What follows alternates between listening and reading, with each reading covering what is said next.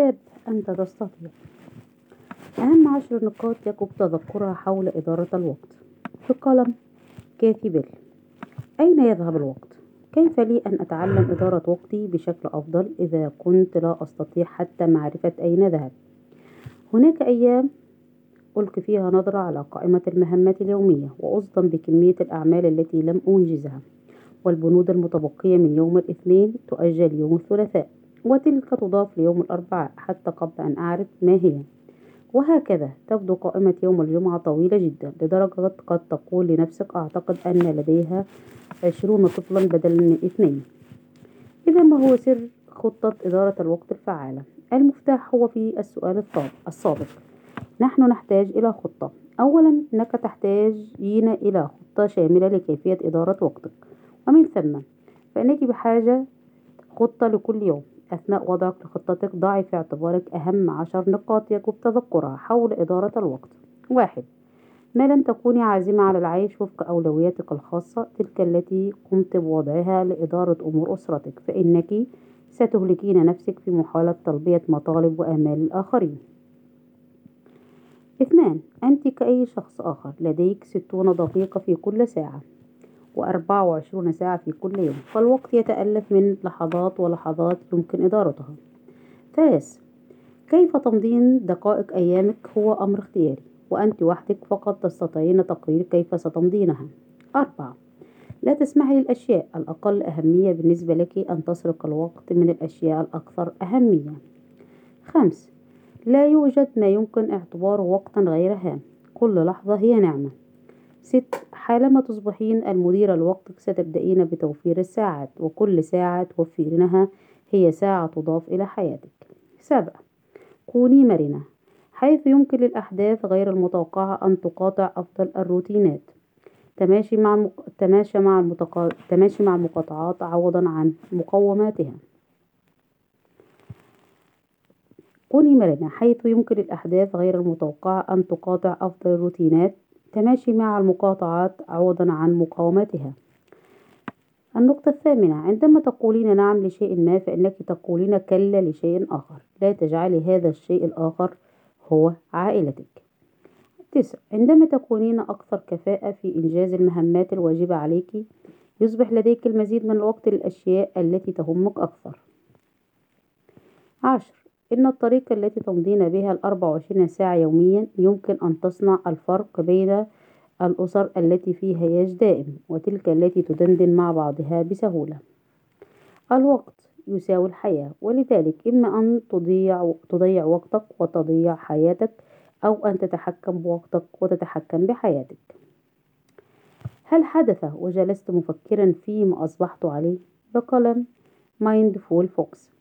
أعتقد أن هناك طريقة بناءة أكثر في التفكير وهي أن تفكر ما الذي أصبح عليه بعد؟ ما الذي لم أصبح عليه بعد؟ لكل أولئك الذين يشعرون بالإحباط في مسيرتهم عوضا عن المعنويات المرتفعة. أود أن أقول أنا أفهمكم فقد مررت بحالات دنوت فيها من الموت وكنت أملأ وسادتي دموعا من الوحدة أيضا ولكن هذا ما صنعني وأنتم تصنعكم إحباطاتكم أيضا كما أن هذا ما جعلني أرفض أن أتصرف دوما بطريقة من خسر شيئا. وذلك لأنه عوضا عن أفكر بأني خسرت المال أو صديقتي أو أبي أو رجل اليمنى فإني أفكر بما كسبته. يمكنك دوما أن تقول بأنك كسبت الخبرة. كسبت أنك تعلمت كيف تتصرف في الظروف الصعبة وكيف تقدر حقا ما كان لديك وما لديك الآن في هذه اللحظة. كن قويا فالأمور ستتحسن. قد يكون الطقس عاصفا الآن ولكنها لن تمطر إلى الأبد. الحب هو شيء يحتاجه كل قائد. قلم مايكل نيكولز. لقد جربنا جميعا ذلك المدير الصارم والعنيد الذي يرغب, يرغب بأن يتم كل شيء وفق أسلوبه. وعلى الرغم من أن هؤلاء المشرفين كثير المطالب الذين يظهرون القليل من التعاطف والإحترام لأعضاء الفريق لا يزالون موجودين إلا أن نوعا جديدا من القادة أخذ بالظهور وهم أشخاص يحبون فريقهم ويخدمونه ويظهرون الطيبة. نعم إن الثقة والصرامة ضروريتان من حين لآخر عندما تفشل الخيارات الأخرى لكن ينبغي أن تستخدم بحذر ورويد. في الواقع تعتقد ماري جو أسموس أن القادة يكونون أفضل عندما يوازنون بين كمية صغيرة من الصرامة مع الكثير من الحب. أنا بحاجة إلى بعض الحب هنا. إننا هذا الأسبوع في فلوريدا نمضي الوقت مع عائلة سارة ولأننا كنا سنمضي عيد الشكر خارج المدينة بدأنا الأسبوع الماضي بالتزيين لعيد الميلاد. أعلم أنه لا ينبغي أن نزين لعيد الميلاد قبل عيد الشكر. في الصباح الذي تلا حفلة التزيين التي قمنا بها جلست على حافة سرير ماديسون ابنتنا ذات الثمانية أعوام. بينما كانت تنتهي من تجهيز نفسها للذهاب إلى المدرسة. في إحدى زوايا غرفتها وقفت شجرة ميلاد صغيرة مزينة بأناقة بكرات زينة عيد الميلاد ذات اللون الوردي والفيروزي وبشريط من الخرز الفيروزي. كما وضعت العديد من قطع الزينة الأخرى في مواقع استراتيجية على الشجرة وكل واحدة منها تذكر الفتاة الشابة الجميلة التي وضعتها هناك بالمعنى الذي تتضمنه. خرجت ماديسون من الحمام وهي تشد الجزء السفلي من قميصها متسائلة. هل هذا مناسب؟ نعم يا عزيزتي تبدين رائعة وأنا فخورة بك جد للغاية. إنك تستيقظين عن المنبه لوحدك وتختارين ملابسك وترتدينها بنفسك وتحافظين على نظافة غرفتك. قالت مقاطعة أجل أنا دائما أحافظ على نظافة غرفتي. قلت وأنا أقف لا يمكن أن أكون أكثر فخرا بك. أضفت وأنا أخرج من الغرفة حتى أنك زينت شجرة الميلاد الخاصة بك. أعتقد أنك جاهزة الآن لمغادرة المنزل والعيش بمفردك. لكنها نادتني قائلة لا يا لا أبي أنا بحاجة إلى بعض الحب هنا. أحبهم. أعلم أن الحب واللطافة في مكان العمل يبدوان كمفهوم غريب. ربما لأننا اختبرنا جميعا شعور الإحباط الذي بسببه يسببه قائد غير مهتم. لقد دخل كل شخص في حياتك أفراد الأسرة والأصدقاء والزملاء إلى عالمك ليكونوا ليكون محبوبا بعضهم للحظات والبعض الآخر لسنوات. وعندما تعقد العزم على حب وخدمة الأشخاص الذين يعملون معك سيكون من الأسهل إظهار اللطف عندما يفشلون أو عندما تتعارض شخصياتكم. عرف ماديسون أنها محبوبة في عرفت ماديسون أنها محبوبة في منزلنا وأمل أن تتاح لها في مرحلة ما من المستقبل فرصة العمل مع قائد يهتم بها حقا. دعهم يحبونك لسوء الحظ يقود العديد من المدراء عن بعد ونتيجة لذلك فهم لا يعرفون الأشخاص الذين يقودونهم كما لا يعرف هؤلاء الأشخاص قادتهم. يمضي القادة الحقيقيون الوقت مع أعضاء فريقهم ويفهمون حياتهم الشخصية واحتياجاتهم وآلامهم. إن القادة الحقيقيون سريع التأثر وأقل قلقا بشأن لقبهم وذاتهم ومدة توليهم المنصب وأكثر اهتماما بخدمة ومحبة فريقهم. دعنا نواجه الأمر. لا يهتم الناس بمنصبك وإنما يهتمون بك إذا سمحت لهم بذلك. ما تقوم به يحدث فرقا وعليك أن تقرر أي نوع من الفرق تريد أن تحدث. هل أنت مستغرق في التقاط الصور لنفسك؟ بقلم دكتور زاك كارتر. ازداد عدد البحوث المقلقة التي تدعم إلى حد كبير فكرة أن مطوري تطبيقات مواقع التواصل الاجتماعي يسخرون قوة الدماغ وتحديدا عملياتنا الإدراكية في محاولة لمواصلة منعنا من إبعاد أنفسنا عن شبكات التواصل الاجتماعي. عندما نكون مشغولين جدا إذ تحجب خوارزميات تطبيقات الهواتف الذكية الإعجابات والتعليقات على الصور التي نشرتها بنفسك لفترة من الزمن. محددة سلفا وفي اللحظة المناسبة ستكشف هذه الخوارزمية والتي أنشئت من أجلك فقط اعتمادا على سلوكك الإعلامي الاجتماعي الشخصي. عن هذه الإعجابات والتعليقات لإثارة إفراز هرمون الدوبامين في دماغك. وهذا يعني أن هرمون المتعة الذي يفرز خلال ممارسة نشاطات معينة تشعرك بالسعادة. هو نفسه الهرمون الذي يسعى مطورو مواقع التواصل الاجتماعي للاستفادة منه لمواصلة التحكم في استخدامك المستمر لهذه المواقع. الأمر الذي يجعل بالمقابل حياتك الشخصية وعلاقاتك تتأثر سلبًا.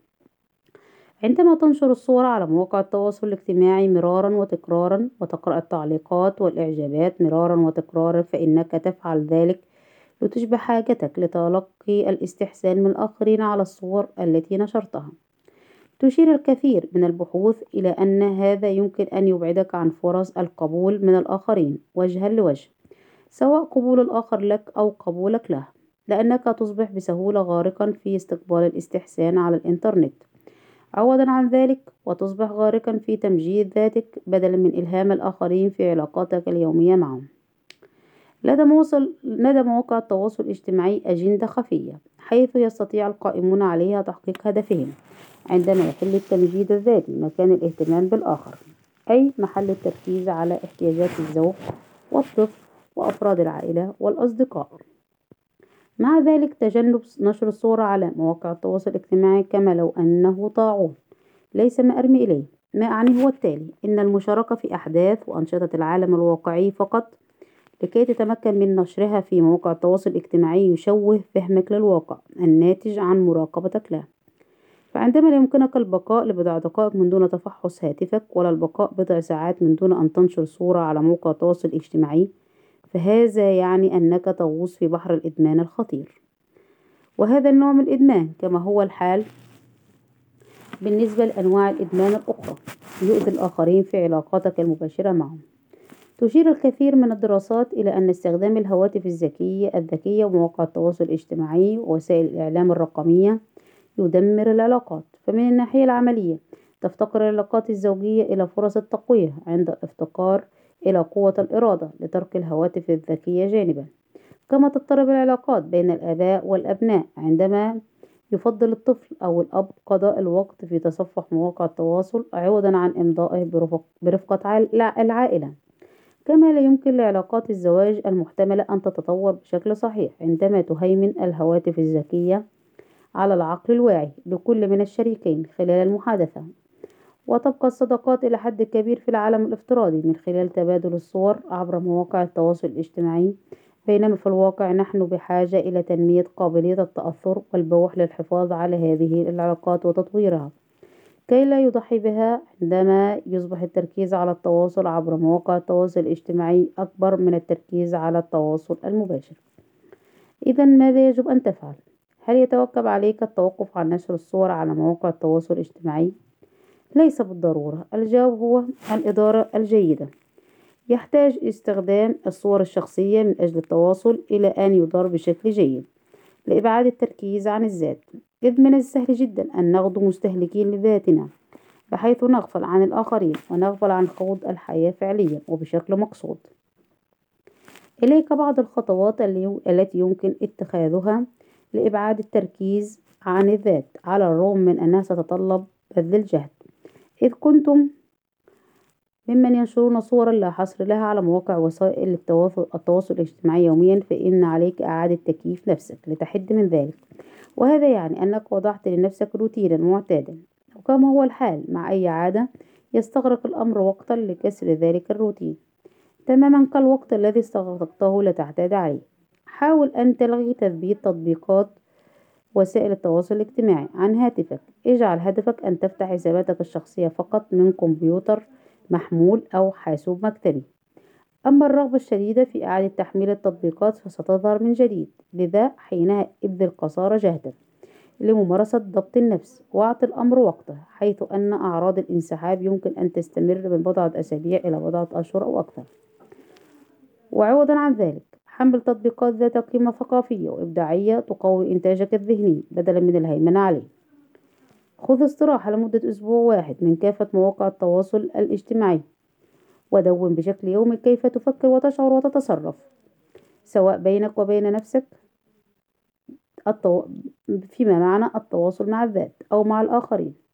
دون كل ما دون كل تحدي تمر به لكي تبقى بعيدا عن نشر الصور في مواقع التواصل الاجتماعي. ودون أي نجاحات تحرزها كذلك. ثم بعد أسبوع افتح حديثا صادقا مع نفسك وقم بإجراءات تعديلات على عاداتك في استخدام مواقع التواصل الاجتماعي بناء على ذلك. عند الخروج مع الأصدقاء والعائلة افعل ما بوسعك كي لا تفكر بكيفية التقاط صورة فقط كي تنشرها على مواقع التواصل الاجتماعي. إذا كنت ستلتقط صورة التقطها ببساطة كي تحتفظ بها للذكرى. لتحفظ على هاتفك أو كمبيوتر. أو لطبعها. وفيما عدا ذلك استمتع برفقة أصدقائك وعائلتك. استمتع باللحظة. أبقى هاتفك في جيبك أو محفظتك عندما تجتمع مع الأصدقاء والعائلة. إذ أنك عندما تضع ذلك الهاتف على طاولة العشاء في مطعم أو على الطاولة وأنتم تشربون قهوة فإنك تقول لا شعوريا لأولئك الذين تكون معهم بأنك لا تقدر رفقتهم كما تقدر الرفقة الرقمية الموجودة في هاتفك. بغض النظر فيما إذا كنت تتفحص هاتفك أو لا خلال وجودك معهم فمن المحتمل أنك حينها تقدم نفسك إليهم بصورة أنانية. لذلك باستثناء عند وجود ظروف مبررة لا حاجة لجعل هاتفك مرئية للآخرين. عندما تنشر صورة انشرها بشكل لائق وهذا يعني ألا تنشر الصورة بثياب غير لائقة. هناك العديد من المسائل هناك العديد من المسائل المتعلقة بالجسد ناشئة عن هذا التوجه في النشر مثلا صور ما بعد التسجيل في النادي وإحراز تقدم ناهيك عن أنها تطرح نظرة نرجسية مفرطة للجسد فإنها يمكن أن تبعدك عن الأصدقاء والعائلة والأهداف الشخصية وتجعلك تسعى للكمال في المظهر الخارجي وهو مأرب تحققه وحيدا. عندما تشعر بالإغراء لنشر صورة على موقع مواقع التواصل الاجتماعي اسأل نفسك عن سبب نشرك لتلك الصورة. أو الصور هل تقوم بذلك بدافع الترويج لذاته؟ هل تحاول بأي شكل من أشكال التفاخر عند نشرها؟ هذا سوف يتطلب الصدق من جانبك ما يفعله العديد من الناس عند نشر اقتباس جذاب أو مجرد عبارة ذكية في أسفل الصورة الشخصية سواء كان مناسبا أو لا هو محاولة للتلاعب بمشاهد تلك الصورة بحيث يصرفون انتباهي عن استغراقهم الذي يجب أن يكون واضحا بذاته وعن أنهم يختلفون يختلقون واقعا زائفا. على سبيل المثال إذا التقطت خمس عشرة صورة في غرفة المدينة الجامعية صباحا. بعد أن حظيت بوقت لتسرح شعرك وترتدي بعض الملابس الجميلة فقط لتضيف التعليق التالي. استيقظت للتو كما أنا في حالة مزرية. حينها أنت فقط تؤجج حاجتك للاستحسان بينما تتواصل مع العالم بصورة زائفة. أجل هناك الكثير من اللحظات تحتاج فيها الصور من أجل التواصل ولكن هناك الكثير من اللحظات حيث يمكن للصور أن تبقى ببساطة في مكتبة الصور في هاتفك الذكي. إن نشر الصور على مواقع التواصل الاجتماعي ليس أمرا يحدد بحد ذاته النمو الذاتي ولكنه عندما لا يدار بشكل سليم. كما هو الحال مع أي أمر آخر يمكن أن يكون مدمرا للذات وللعلاقات مع الآخرين. وفي الوقت وفي الواقع يحتاج العديد منا لإعادة تقييم أين يحققون ذاتهم. هل من خلال نشر الصور وتلقي الاستحسان من الآخرين على مواقع التواصل الاجتماعي أو من خلال قبول الآخرين لهم والذي يمكن إحرازه من نواحي حياتية أكثر واقعية؟